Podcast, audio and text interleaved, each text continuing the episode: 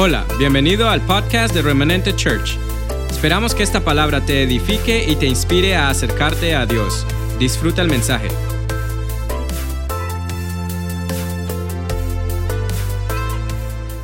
Listos para la verdad, listos para la hora de la verdad. Esta es la hora de la verdad, la hora de la palabra. Yo me recuerdo, quizás hay empresarios que necesitan escuchar esto, lo voy a compartir rapidito. Un tío mío enseñó esto y creo que ya lo dije una vez, pero no sé quién lo necesita escuchar y siento la necesidad de compartirlo. Me decía que un cliente en su negocio era como una finca y que en el momento en que ese cliente colocaba un pie dentro del negocio, esa era la hora de la verdad. Yo le pregunté, yo no lo entendí, le pregunté por qué como una finca y me dijo, porque en una finca tú puedes sembrar lo que tú quieras y tú recoges lo que tú quieras. Lo mismo puedes hacer con un cliente. Para el empresario que está aquí, para el, que tiene sueños de empresario, para el que tiene deseos de tener negocio, Llévese este principio. Un cliente es como una finca porque puedes sembrar lo que quieras en un cliente.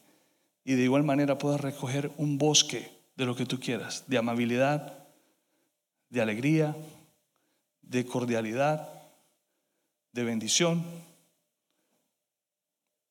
Un bosque de mangos, un bosque de naranjas, un bosque de limones. Lo que tú quieras puedes sembrar en un cliente. Por eso es como una finca. Pero él decía que cuando ese cliente entraba a la puerta, él decía, esta es la hora de la verdad. Entonces tenía uno que salir y darle a ese cliente lo que uno quería recoger de él. Estamos en este momento aquí, en la hora de la verdad. La palabra que vamos a compartir realmente los domingos es la hora de la verdad y por eso ese es el título de la palabra del día de hoy. La hora de la verdad. Si me acompañan a la palabra Lucas 5 del 1 al 11, yo se los voy a leer y después lo vamos a desarrollar juntos. Antes de llegar ahí, dice, nada podemos contra la palabra, contra la verdad, sino a favor de la verdad. Segunda de Corintios 13, 8 dice eso. Este verso no se lo di al grupo de Miria, quizás no lo tienen, no lo pueden colocar pero yo se los digo rapidito, es bien cortico. Segunda de Corintios 13:8 dice, porque nada podemos contra la verdad, sino a favor de la verdad. La verdad es la palabra, la verdad es Cristo. Nada podemos en contra de ella, sino a favor de ella. Hola familia, bendiciones, qué gusto tenerlos aquí. Bienvenidos. Lucas, capítulo 5 del 1 al 11 cuenta la palabra que cierto día mientras Jesús predicaba en la orilla del mar de Galilea, grandes multitudes se abalanzaban sobre él para escuchar la palabra de Dios. Jesús notó dos barcas vacías en la orilla porque los pescadores las habían dejado mientras lavaban sus redes. Al subir a una de las barcas, Jesús le pidió a Simón, este Simón aquí es Pedro, todavía no le habían cambiado el nombre, era conocido como Simón, le pidió a Simón, el dueño de la barca, que la empujara al agua. Luego se sentó en la barca y desde allí enseñaba a las multitudes. Cuando terminó de hablar, le dijo a Simón, ahora ve a las aguas más profundas y echa tus redes para pescar. Y Simón contestó, maestro, hemos trabajado mucho durante toda la noche y no hemos pescado nada pero si tú lo dices, echaré las redes nuevamente. Y esta vez las redes se llenaron de tantos peces que comenzaron a romperse. Un grito de auxilio atrajo a los compañeros de la otra barca. Acuérdense que eran dos barcas. Y pronto las dos barcas estaban llenas de peces y a punto de hundirse. Cuando Simón Pedro se dio cuenta de lo que había sucedido, cayó de rodillas delante de Jesús y le dijo, Señor, por favor, aléjate de mí, soy un hombre tan pecador. Pues estaba muy asombrado por la cantidad de peces que había sacado. Al igual que los otros, lo estaban con él. Sus compañeros Santiago y Juan, hijos de Zebedeo, también estaban asombrados. Jesús respondió a Simón, no tengas miedo. De ahora en adelante pescarás personas. Y en cuanto llegaron a tierra firme, dejaron todo y siguieron a Jesús. Padre, en esta mañana yo te doy gracias por tu bendita palabra. Yo te doy gracias, Señor, porque sé que lo que me has dado es bueno para tu pueblo, para mi vida, para mi familia, para las generaciones, para nuestras generaciones. Yo te pido, Señor, en el nombre de Jesús, que no permitas que yo vaya a dañar este mensaje, que seas tú a través de mí, tu Santo Espíritu guiándome, Señor, para poder aprovechar este momento, esta hora de la verdad. En el nombre de Jesús. Amén. Cierto día, empieza así el texto, cierto día, cierto día es cualquier día. Solamente esas dos palabras me enseñaron muchísimo para el día de hoy. Estamos acostumbrados a idealizar la manera como Dios va a hacer las cosas en nuestra vida y esperamos que sea un día muy especial. Y esperamos que sea un día, en el caso de, bueno, voy a aprovechar que mi esposa no está conmigo hoy aquí en la iglesia, yo sé que me estás viendo, pero voy a aprovechar que no estás aquí. En el caso de mi esposa, un día soleado con nubes despejadas es un día especial. Ese es un día fantástico. Ella es amiga del sol y el sol es amigo de ella. Es una cosa impresionante. Entonces para ella un día soleado es un día muy especial. Pero la palabra dice que cierto día, cierto día quiere decir cualquier día. Dios quiere bendecir la vida de nosotros en cualquier día de la semana. No tiene que ser un sábado, que es cuando estamos mejor de humor, o un viernes cuando empieza el fin de semana. O el miércoles, en el caso mío, que es el día libre mío para descansar. Puede ser un lunes, el día más ocupado. Puede ser un martes, que son días normalmente largos de trabajo. Puede ser un jueves. Cualquier día de la semana es el día que Dios ha escogido para bendecir tu vida. No, tienes que, no tiene que ser un día especial. Para Dios todos los días son iguales.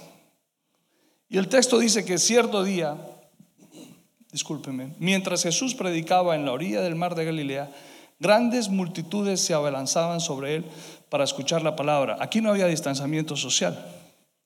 Aquí se le lanzaron encima. No le daban ni siquiera el espacio para él poder compartir. Yo me imagino que las multitudes, estilo concierto, no hace mucho, cuando tienen que poner estas barandas porque se empujan y esto y lo otro, yo creo que así era lo que estaba viviendo Jesús en ese momento. Estamos recreando el texto, estamos recreando la palabra. Y necesito que ustedes me ayuden y los que están en casa, por favor, ayúdenme también. Dice que Jesús, las multitudes se abalanzaban, se lanzaron encima de él para escuchar la palabra, no querían perderse la verdad, estaban aprovechando la hora de la verdad. Estaban aprovechando y no se querían perder la hora de la verdad. De esa verdad de la cual me dice a mí, segunda de Corintios, que nada podemos en contra de ella y que todo lo podemos cuando estamos a favor de ella. Eso estaba haciendo la gente.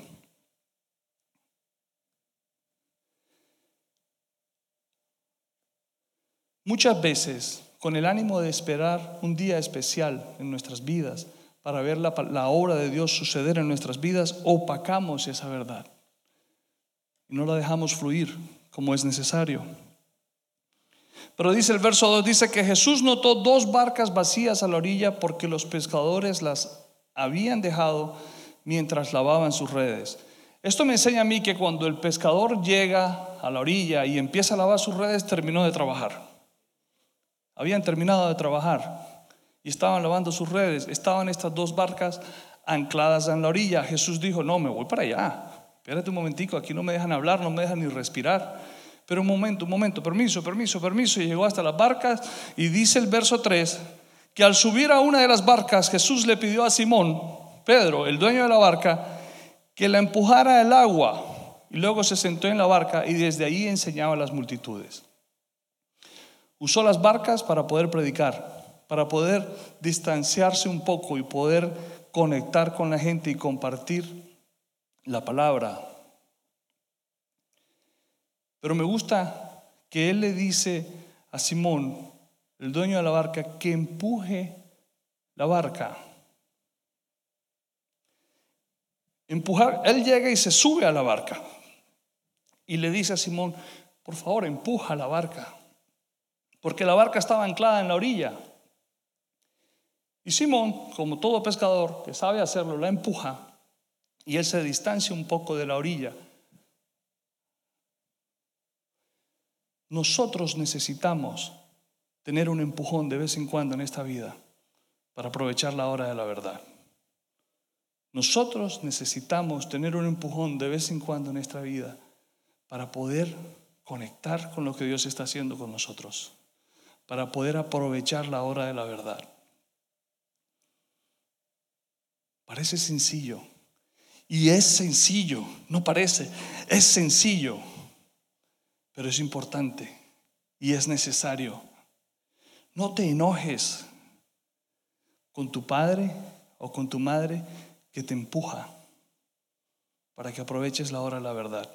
No te enojes con tu esposo o con tu esposa que te empujan para que aproveches la hora de la verdad. No te enojes con ese jefe de que te exige, que te demanda para que aproveches la hora de la verdad. Porque es en cualquier día de tu vida y en cualquier momento que necesitamos ese empujón. Y te aseguro que el Señor se va a encargar de que llegue. Porque Él quiere cumplir lo que Él dijo. Porque Él se debe a sí mismo, a su propia palabra.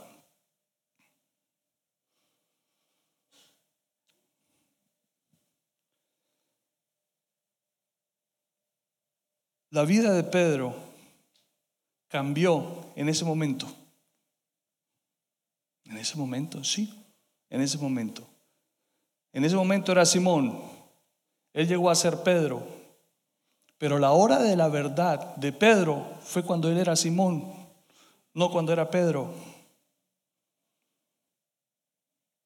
Voy a decirlo de nuevo.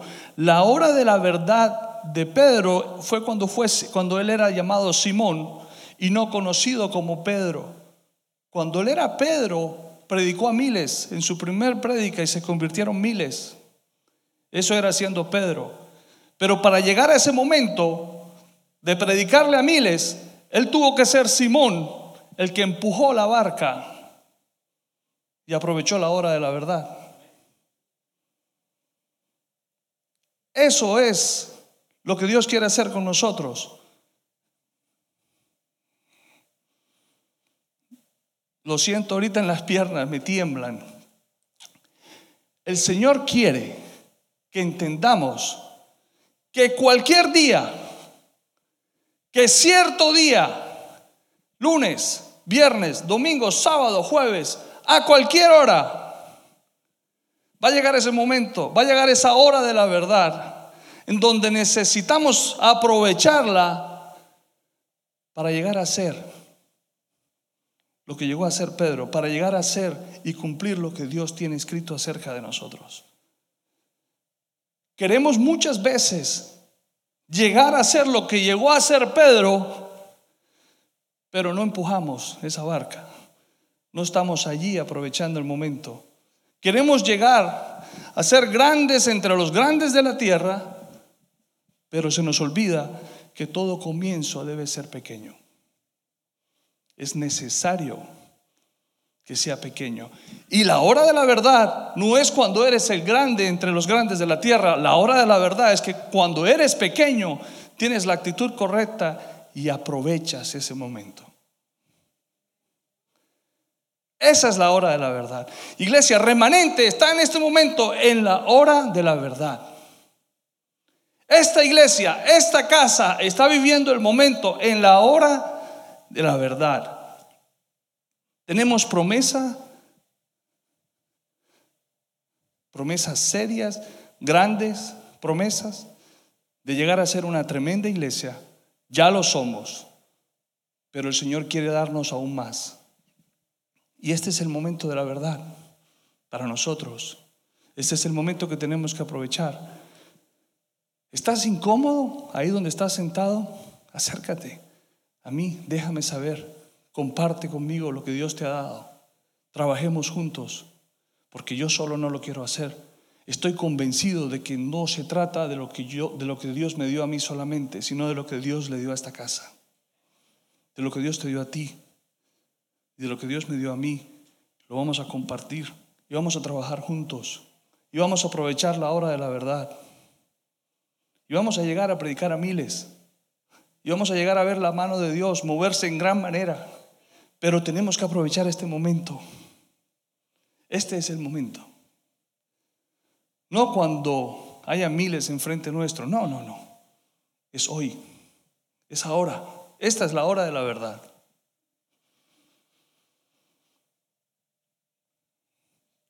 Es algo sencillo.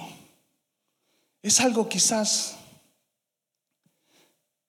cuando, a ver, lo quiero decir de esta forma, cuando, cuando Simón empuja esta barca, la barca se despega de la orilla, pero les aseguro que no se fue muy lejos hacia adentro, porque Jesús se podía comunicar con la gente. O sea que Él se mantuvo en la barca, pero en, la parte llana del agua, la, menos, la no tan profunda, una, una parte llana no era profundo, no se pudo ir muy lejos, él estaba ahí cerca, solo que no estaba en la orilla, estaba ahí cerca. Pero dice la palabra en el 4 que cuando el Señor terminó de hablar, le dijo otra vez a Simón, ahora ve a las aguas más profundas y echa tus redes para pescar. Cuando aprovechamos la hora de la verdad, el Señor nos va a llamar a entrar en las aguas más profundas. Cuando escuchamos la revelación de Dios, cuando recibimos el rema de Dios, dice que dice la palabra que cuando terminó de hablar, hablar qué? Lo que compartió, la palabra, lo que enseñó, lo que instruyó, cuando terminó de hablar le pidió que fueran a aguas más profundas. Eso quiere hacer el Señor. Aquí hemos recibido mucha palabra, aquí hemos recibido mucha instrucción, aquí hemos recibido mucha enseñanza. Y estamos llegando a ese momento de entrar a las aguas más profundas en nuestras vidas. Después de recibir tanta verdad, le dijo el Señor, ahora sí, vamos a lo más profundo. Y usemos lo que tú conoces, las redes. No las redes sociales, las redes para pescar. No se me confundan. Y Pedro le dijo, maestro, Hemos trabajado mucho durante toda la noche y no hemos pescado nada. Como quien dice, no sé de qué estás hablando. Dios nos está llamando a hacer algo que quizás ya conocemos y de lo cual ya estamos acostumbrados. Dios nos está llamando a hacer algo que quizás ya lo hicimos años atrás. Dios nos está llamando quizás a limpiar baños otra vez. Dios nos está llamando a sentar gente de nuevo. Dios nos está llamando a limpiar el salón. Dios nos está llamando hoy en día. Lo hablaba con una persona y nos reíamos juntos, una persona que tiene años en el Evangelio. Sí, nos está llamando a compartir en el chat. Eso, sí. Dios nos está llamando a hacer cosas que ya conocemos y que las conocemos muy bien y que podemos decir, no funcionó, no ha funcionado. Dios nos está llamando porque allí Él va a entrar en lo más profundo de nuestros corazones porque sabemos, y se nos olvida, pero sabemos que Dios es omnisciente y lo conoce todo y conoce hasta las profundidades de nuestro corazón. Porque ahí, en eso simple, en eso pequeño, en eso poco que nosotros llamamos, conocemos y estamos acostumbrados, allí va a entrar en las profundidades de nuestro corazón para sanarnos para levantarnos, para guiarnos, para asegurarse de que estamos listos para lo que Él tiene para nosotros.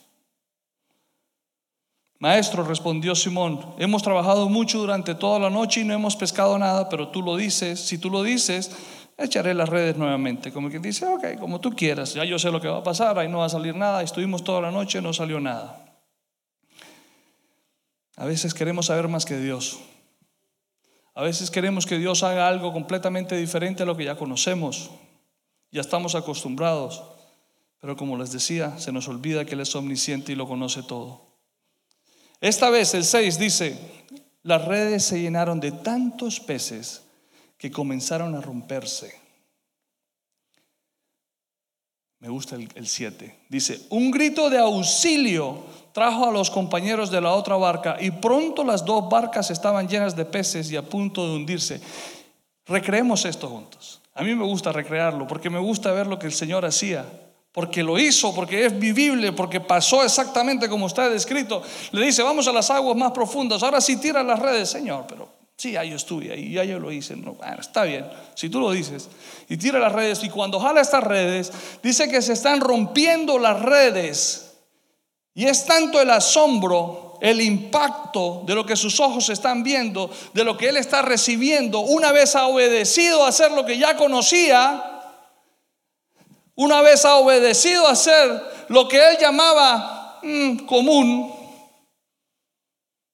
y lo sorprende Dios en las profundidades. Y le da lo que él no se imaginaba. Quizás conocía los peces, pero nunca le había pasado, se los aseguro. Porque si él le hubiese sucedido esto, hubiese ido preparado. Nunca le había pasado que había sacado tantos peces que se empezó a romper la red y el hombre gritó, auxilio, ¡Ey! Ayúdeme, se está rompiendo, no puedo con esto. Eso quiere hacer Dios en las profundidades de nuestro corazón. Nos quiere dar tanto. Es tanto la sobreabundancia de Dios para nuestras vidas que nosotros vamos a tener la necesidad de dar, de compartir, de llamar, de dar, de entregar, de regalar. El 7 dice que un grito de auxilio atrajo a los compañeros de la otra barca. Y pronto las dos barcas estaban llenas de peces y a punto de hundirse. ¿Ustedes han visto una barca cuando está a punto de hundirse? Yo la he visto. La orilla queda orilla con orilla con el agua. Y en algunos casos el agua se mete y por el otro lado está la gente sacándole el agua porque se va a hundir.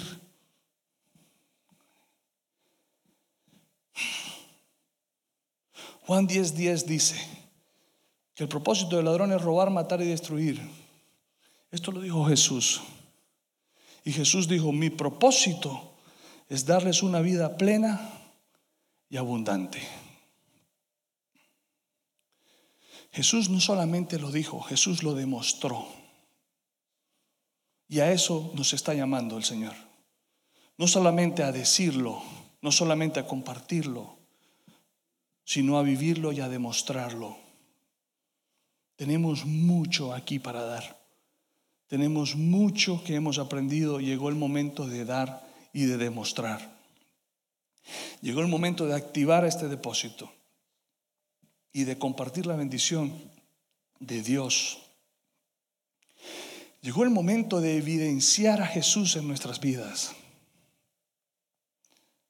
Este es el momento de la verdad. Esta es la hora de la verdad vamos a evidenciar el Maestro.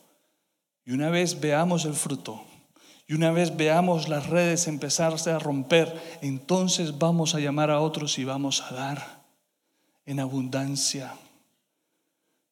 Quizás nos vamos hasta asustar, porque no estamos acostumbrados, iglesia, no estamos acostumbrados a ver la sobrenaturalidad de Dios obrar en nuestras vidas, pero estamos entrando en ese momento Está el Señor llamándonos. Miren, les voy a decir algo. Si el Señor ya lo dijo, Él está sentado esperando a que se cumpla. Pero necesitamos aprovechar la hora de la verdad. Necesitamos obedecer, necesitamos actuar, necesitamos evidenciar, necesitamos vivir lo que Dios dijo acerca de nosotros. Necesitamos vivirlo. Necesitamos no solo creerlo, confiar en eso. Ya yo lo he dicho, sí. Pero como lo dije la vez anterior, es necesario repetir.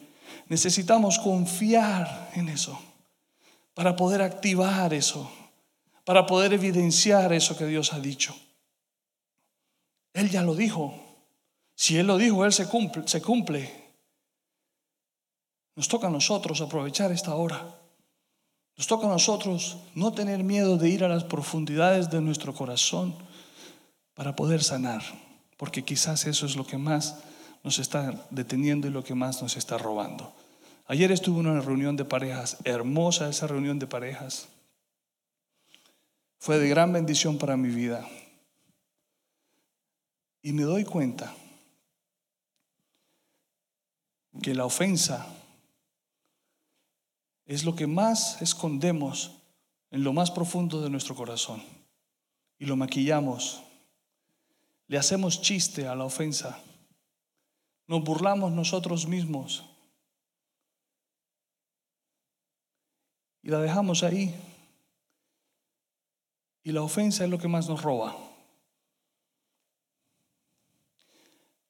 La ofensa en el momento que sucede, yo lo he dicho aquí antes y lo voy a repetir de nuevo, en el momento en el que sucede algo, en el momento en el que alguien te ofende, en el momento en el que alguien te dice, te trata, te mira, te juzga, te ve feo, te dice latino maluco, te dice lo que sea que tú te ofendas. En el momento, ayer hablábamos con una pareja que están aquí, pero no voy a decir el nombre, en el momento en el que compartes una bebida, con tu pareja y tu pareja no quiere compartir la bebida porque no le gusta, pero tú le compras una bebida y le pones el, straw, el pitillo, el popote ahí y, y tú estás tomando y le dices a él o a ella, toma, y a ella no le gusta y ella se ofende. En el momento en que yo le quito una papita frita a Tiago del plato, se me ofende. Me dice, no. Me dice, mine. Mío. A Natalie, mi nieta, yo no le puedo tocar el caballo porque se ofende y empieza a hacer el caballo así. Me dice, gran abuelo, por favor. Me dice, please. Se me ofenden. Está de moda, la ofensa está de moda. Y es el arma, número uno que está usando el enemigo para robarnos. Pero en el momento en el que suceden esas cosas, recibimos la ofensa. En ese momento de la ofensa, en, ese, en esa hora, en ese momento de la ofensa, te ves en la necesidad de identificar la hora de la verdad. ¿Cómo así? Te voy a explicar. Porque es tu decisión si recibes la ofensa o no. Esa es la hora de la verdad. Ofensas van a venir y van a suceder de toda clase, conocidos, desconocidos, familiares, del pastor, de la pastora, del apóstol. Puede suceder. Pero la hora de la verdad es cuando tú decides qué hacer con la ofensa. La hora de la verdad está en la decisión que tú tomas. Si te dejas robar, si te dejas anclar por esa ofensa.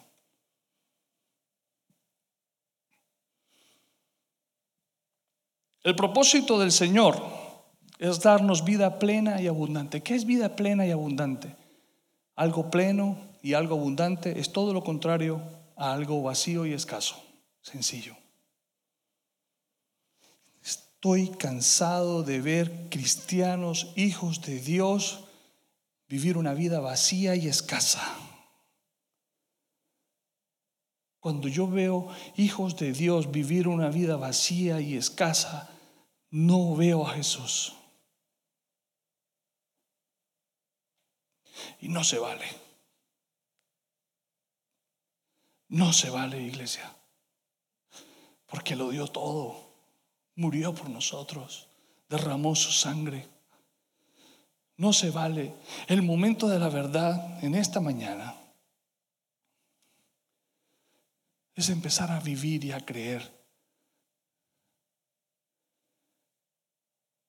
en Jesús, en la transformación que Él quiere hacer en nuestras vidas. Yo te animo a que recibas esa vida plena y abundante. Yo te animo a que lo vivas. Yo te animo a que confíes. Es cortico. Juan 10, 10 dice, el propósito del ladrón es robar, matar y destruir. Mi propósito, dice Jesús, mi propósito, mi propósito. Quitemos la palabra propósito porque se ha escuchado tanto en la iglesia que se volvió hasta religiosa esa palabra. Mi plan Mi plan contigo, el plan que yo tengo. Vamos a usar una palabra eh, empresarial. Mi proyecto contigo. Mi proyecto de vida contigo es que tengas una vida plena. Plena es llena en todas las áreas de tu vida. Económica, sentimental, emocional, de salud. Una vida plena, llena. Una vida que no tiene vacíos y abundante. Ese es mi proyecto, te dice el Señor. Ese es mi proyecto, dice Jesús. Juan 10, 10. No lo podemos aprender, no podemos orar, vamos a memorizarlo, pero vamos a vivirlo. Señor, yo recibo tu proyecto para mi vida en esta mañana. Señor, yo recibo tu proyecto y creo en tu proyecto y estoy dispuesto a vivir una vida plena y abundante, una vida llena y abundante. Estoy dispuesto a recibir hasta que se empiece a hundir las arcas de mi casa porque las quiero repartir y las quiero compartir. Estoy dispuesto a recibir. Señor, no importa que me toque ir a las profundidades de mi corazón para que tú metas tu mano y sanes. Estoy dispuesto a obedecer. Aunque ya yo he llegado ahí y ya sé cómo escaparme de esa. Ya yo he llegado ahí y ya yo sé lo que tengo que decir para poder salirme de allí. Pero si tú me dices que vamos una vez más, vamos una vez más. Volvamos a ir a las profundidades de mi corazón. Para entonces aprovechar ese momento de la verdad.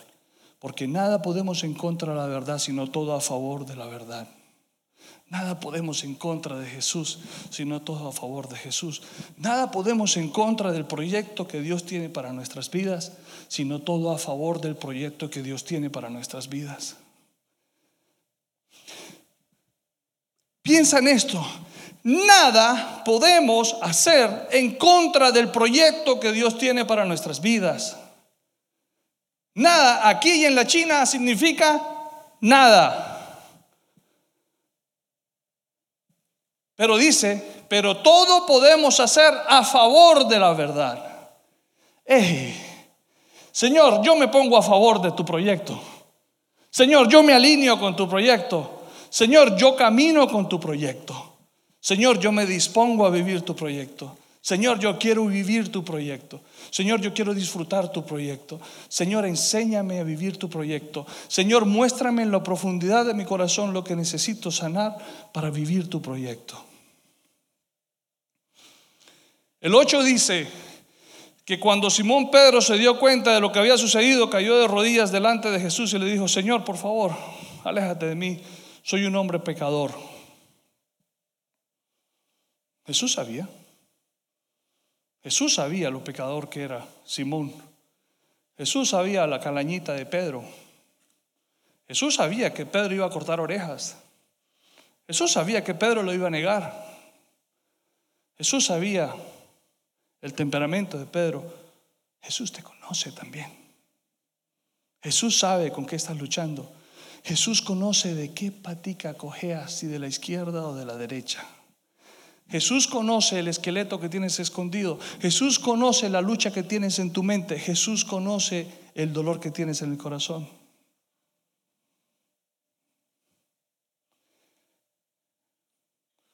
Pero no te es permitido de autodescalificarte por eso.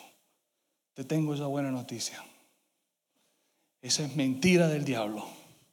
Asqueroso, sucio, que vino sino a robar, matar y destruir. No te puedes autodescalificar. No te puedes autodestruir. No es permitido. En el momento en el que tú lo haces, entonces ahí es cuando te digo que no se vale, porque entonces has tomado en vano la obra de Jesús en la cruz. No se vale. No se vale. No te autodescalifiques. No permitas que la religión te destruya, te señale, te condene. Pecaste, corre a los pies del Maestro. Fallaste, corre a los pies del Señor. Mentiste, corre a los pies del Señor. Arrepiéntete y corre a los pies del Señor. No te puedes arrepentir si no reconoces. Si tú corres al Señor sin reconocer la falta, entonces lo estás haciendo por conveniencia. Pero si tú reconoces tu falta y corres al Señor, entonces vives restauración. No puedes experimentar restauración si no reconoces tu falta. No, pero es que yo lo dije, pero es que esa no era la manera de lo que yo quería decir, pero lo dijiste. Sí, pero es que eso no era lo que yo quise decir, pero lo dijiste. Tú sabes que lo que tú dices, las palabras que tú dices, dicen en proverbios que son como la leche derramada que no se puede recoger. Tú has derramado un vaso de leche, yo muchos, de agua, de soda, de vino, muchos, y de vino y en la alfombra. ¿Y cómo recojo ese bendito en la alfombra? ¿De qué te ríes, Jenny? Tú siempre te ríes de mí. Voy a llamar a seguridad para que te saquen. ¿Oíste? Eso se llama bullying. Yo no voy a aceptar bullying aquí en la iglesia. ¿Cómo recoges una copa de vino en la alfombra? Y con la señora dueña de la casa ahí mirándote y haciéndote el pie así. ¿Cómo vas a hacer? ¿Cómo recoges un vaso de leche después de que se regó? No se puede. También dice la palabra que son como piedras que se lanzan. Después de que tú lanzas una piedra, ¿cómo vas a alcanzarla para que no llegue? Entonces, ponte a favor de la verdad y di, hombre, sí, Señor, reconozco que lo dije. Señor, pero mira, no fue mi intención. Tú sabes muy bien que el Señor se queda esperando. ¿Reconoces o no reconoces? ¿Reconoces o me estás explicando? ¿Reconoces o te estás excusando? ¿Reconoces o te estás escondiendo? ¿Reconoces o llegaste a la profundidad de tu corazón y sabes cómo darle el giro para no tocar fondo? ¿Reconoces o no reconoces? Para poder ser transformados necesitamos ser restaurados. Para poder ser restaurados necesitamos reconocer nuestra falta. Ya somos perdonados. No somos descalificados. Si no, la obra de Jesús hubiese sido en vano en la cruz. Pero no se detiene allí la obra del Señor. El Señor nos enseña la necesidad de reconocer nuestra falta para poder vivir restauración. ¿Sabes que en el momento en el que tú reconoces la falta delante del Señor, ¿sabes qué hace el Señor con tu vida? Hace esto. Te aparta para Él y te separa. Te aparta para Él y te separa. Y ahí te restaura. Para el Señor poder restaurarnos, nos aparta y nos santifica por medio de su sangre. Pocas veces esto se explica de esta manera. Y quizás es necesario decirlo para que entendamos el error en el que caemos cuando nos descalificamos, cuando nos juzgamos. Dios es mucho más que eso. El 9 dice que Pedro estaba muy asombrado por la cantidad de peces que había sacado, al igual que los otros que estaban con él. El 10 dice que sus compañeros Santiago y Juan hijos de Zebedeo, también estaban asombrados. Jesús respondió a Simón, no tengas miedo. Iglesia, no tengas miedo. Porque es que dudamos. Señor, de verdad, de verdad me quiere bendecir. Señor, yo he vivido tantas cosas y esto que está diciendo el pastor parece imposible. Quizás eso le toca a otros, pero a mí. Y el Señor te dice, sí, a ti, no tengas miedo. Que es que es contigo, cabezón. Es que es contigo que yo tengo un plan. Es que es contigo que yo tengo un proyecto de vida. No tengas miedo. Atrévete. Confía. Lánzate. Aprovecha. Quiero cerrar. Me gustaría que, como siempre le pido a mi compañero de batalla Lucas que sube y me acompañe. Quiero que cerrar y quiero que por favor se coloquen de pie tú estás en casa, quiero que no te dejes distraer, porque vamos a cerrar. Vamos a amarrar esta palabra que Dios nos dio. Escuché una vez a una niña compartir la palabra en los jóvenes, en el grupo de jóvenes, y me dijo, short and sweet, así va a ser, pastor, short and sweet, y me gustó, cortico y dulce. Y eso es lo que quiero hacer en esta mañana. Una palabra sencilla, una palabra que a, la, que a primera vista parece ser llana, pero que si la meditamos es bastante profunda. Una palabra sencilla que se hace quizás simple, pero poderosa, liberadora, vivible. Es más que una promesa. Es una palabra que restaura. Es una palabra que anima. Es una palabra, una palabra que te deja saber que Dios tiene un proyecto contigo. Es una palabra que te deja saber que Dios no te descalifica. Es una palabra que nos enseña que no nos podemos descalificar, porque entonces estamos tomando en vano lo que Cristo hizo en la cruz por nosotros. Y no se vale.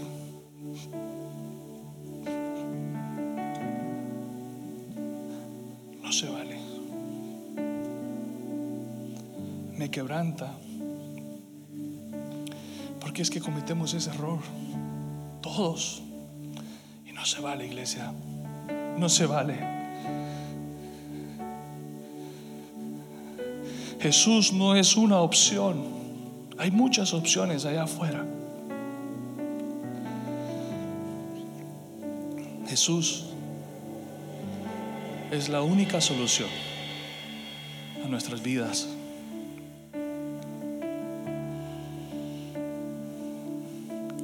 Esta es la hora de la verdad. Si un cliente para un negocio puede llegar a ser como una finca, entonces para nosotros, los hijos de Dios, los que entendemos lo que es caminar en el negocio del Padre, podemos mirar a cada individuo allá afuera como una finca. Porque ese es nuestro negocio. Ese es el que paga de contado.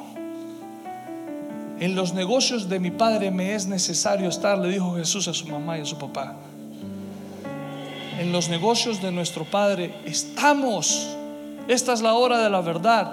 Cada individuo que tú ves allá afuera, alguien me hablaba en estos días de hablarle a los que están en el 7-Eleven. Sí, son como una finca. De hablarle al cajero del banco. De hablarle al que te seca el carro y te lava el carro. De hablarle a tu compañero de trabajo. Son fincas en las cuales puedes sembrar lo que tú quieras. Y tenemos muchas semillas para sembrar. Muchas semillas para sembrar. Dice el 11 que cuando llegaron a tierra firme dejaron todo y siguieron a Jesús. Dejaron todo y siguieron a Jesús. Dejaron todos esos peces y siguieron a Jesús. Dejaron sus barcas y siguieron a Jesús. Yo le preguntaba al Señor, ¿por qué? ¿Qué quiere decirme con esto? Es muy sencilla la respuesta. Decidieron ser discípulos y no creyentes solamente. Decidieron sembrar esa semilla que habían recibido y no quedarse con ella. Dios nos está llamando a ser más que creyentes. Dios nos está llamando a ser discípulos. Dios nos está llamando a sembrar su semilla. Dios nos está llamando a aprovechar la hora de la verdad. Esta es la hora de la verdad para todos nosotros. Dejemos de ser creyentes.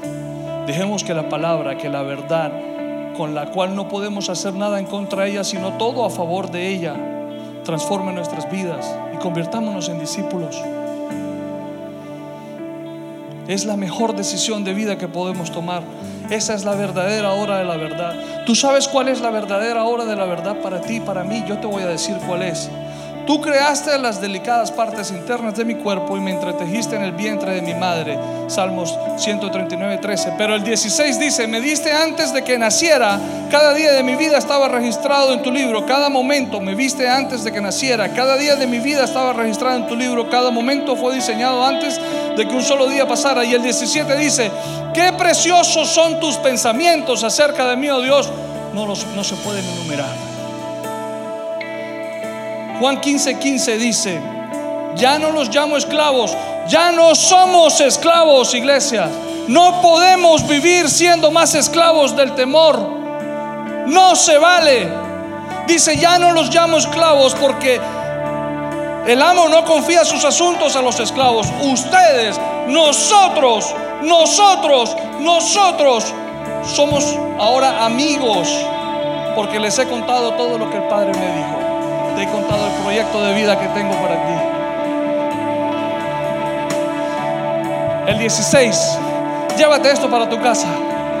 Atesóralo.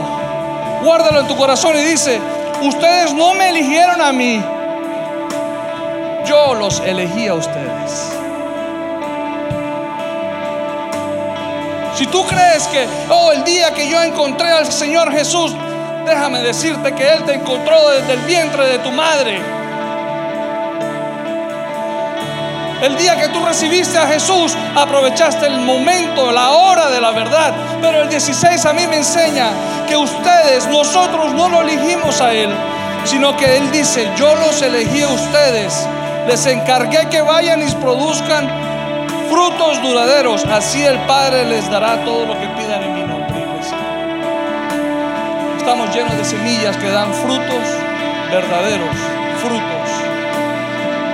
Y todo lo que pidamos al Padre en el nombre de Jesús, Él nos concederá. Esta es nuestra hora, esta es la hora de la verdad, este es nuestro momento. No tengas miedo de profundizar en tu corazón. Deja que el Señor haga la obra y recibe hasta que sobreabunda. Ora conmigo. Repite esta oración. ¿Tú quieres recibir a ese Jesús?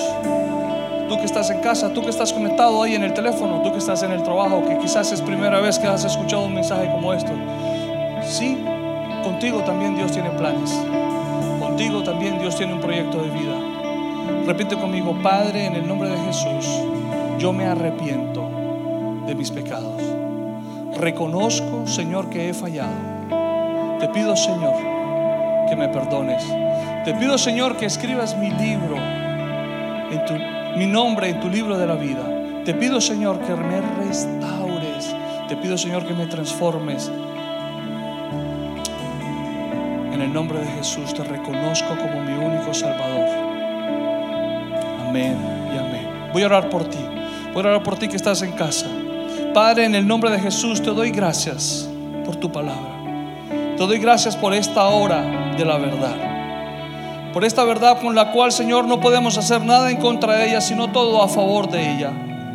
Te doy gracias, Señor, porque reconocemos, Padre, que hemos recibido la ofensa, mas te pedimos que vayas tú a lo más profundo de nuestro corazón, Señor, y nos sanes. Perdonamos, Señor, la ofensa. Perdonamos, Señor, a los que hemos ofendido. Señor, te pido que nos perdones, Padre, porque también hemos ofendido.